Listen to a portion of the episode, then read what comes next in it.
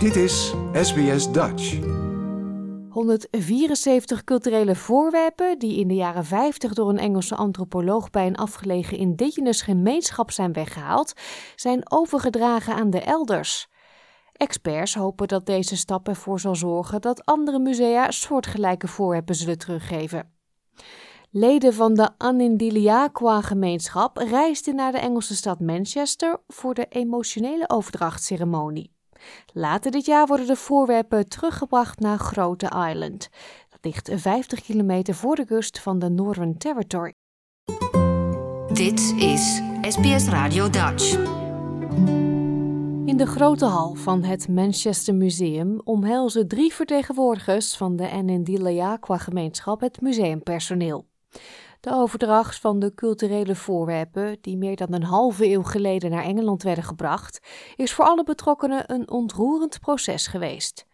Nolien Lalara is een Anindiliaqua elder. For me, it's uh, emotional, really, and I'm so. Uh, I'm just talking my, from my heart. It's very emotional to me, and I'm happy and I'm proud for my people. Onder de 174 items die teruggaan naar het land waar ze aan toebehoren, zijn manden, speren, armbanden en ingewikkelde versierde schelpenpoppen. Die poppen hebben ervoor gezorgd dat de huidige grote island-gemeenschap is begonnen met het maken van nieuwe poppen. Een activiteit waardoor de band tussen generaties wordt versterkt. Macy Lara is een Andiliaqua vrouw. Um, we do a learning on country with the school kids, going out, collecting the shells, painting it with um, ochre, natural ochre. The kids loved it, and making it live. And we carry on like following our ancestors' footsteps. De voorwerpen werden in de jaren 50 verzameld door de Engelse antropoloog professor Peter Worsley. Hij deed onderzoek naar de levens van Aboriginals en reisde langs Grote Island. Zijn dochter Deborah was vandaag bij de overdracht aanwezig en ontmoette daar de afstammelingen van de vrouwen waar haar vader vaak over gesproken had tijdens haar jeugd. I'd heard about the stories of being on route all my life. You know, he continued to talk about that time all his life. I just wish he could know that this is what's happened. Professor Worsley schonk zijn collectie aan het Manchester Museum toen hij in de jaren 80 met pensioen ging. De afgelopen drie jaar reisden museumexperts naar Grote Island en werkte daar samen met de Anindiliaqua Land Council om te bepalen waar de voorwerpen zouden moeten worden bewaard. U hoort Georgie Jong, hoofd collecties van het museum. There is a different quality to a return process if you are dealing with real people face to face and really listening. And the kind of emotion that comes through in the ceremony today is kind of an emotion that's been carried through the whole period that we've been working together.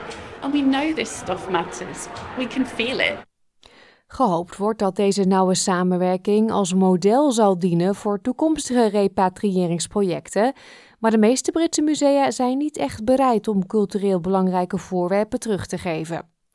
Leonard Hill is de waarnemend CEO van de Australian Institute of Aboriginal and Torres Strait Islander Studies. Uh, events such as this and uh, relationships and opportunities and returning material uh, such as this uh, provides a level of awareness, obviously, as to the importance of uh, returning cultural material back home. Uh, I hope it provides a bit of a trigger um, to other institutions that there is genuine um, goodwill and, and willingness uh, on communities uh, and institutions like IANSIS to work with partners overseas to return material. Naar schatting liggen er 39.000 indigenous artefacten opgeslagen in musea, verspreid door heel het Verenigd Koninkrijk. Het Manchester Museum heeft er enkele honderden in zijn collectie, dus deze 174 voorwerpen zijn slechts een druppel op de gloeiende plaat. Maar elk afzonderlijk item is van groot belang voor de gemeenschap die het ontvangt. Zo legt Anandiliaqua vrouw Amatea Mamarika uit.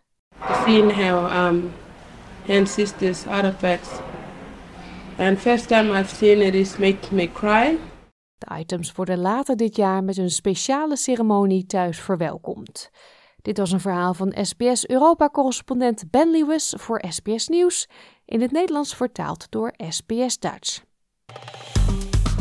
Like, deel, geef je reactie. Volg SBS Dutch op Facebook.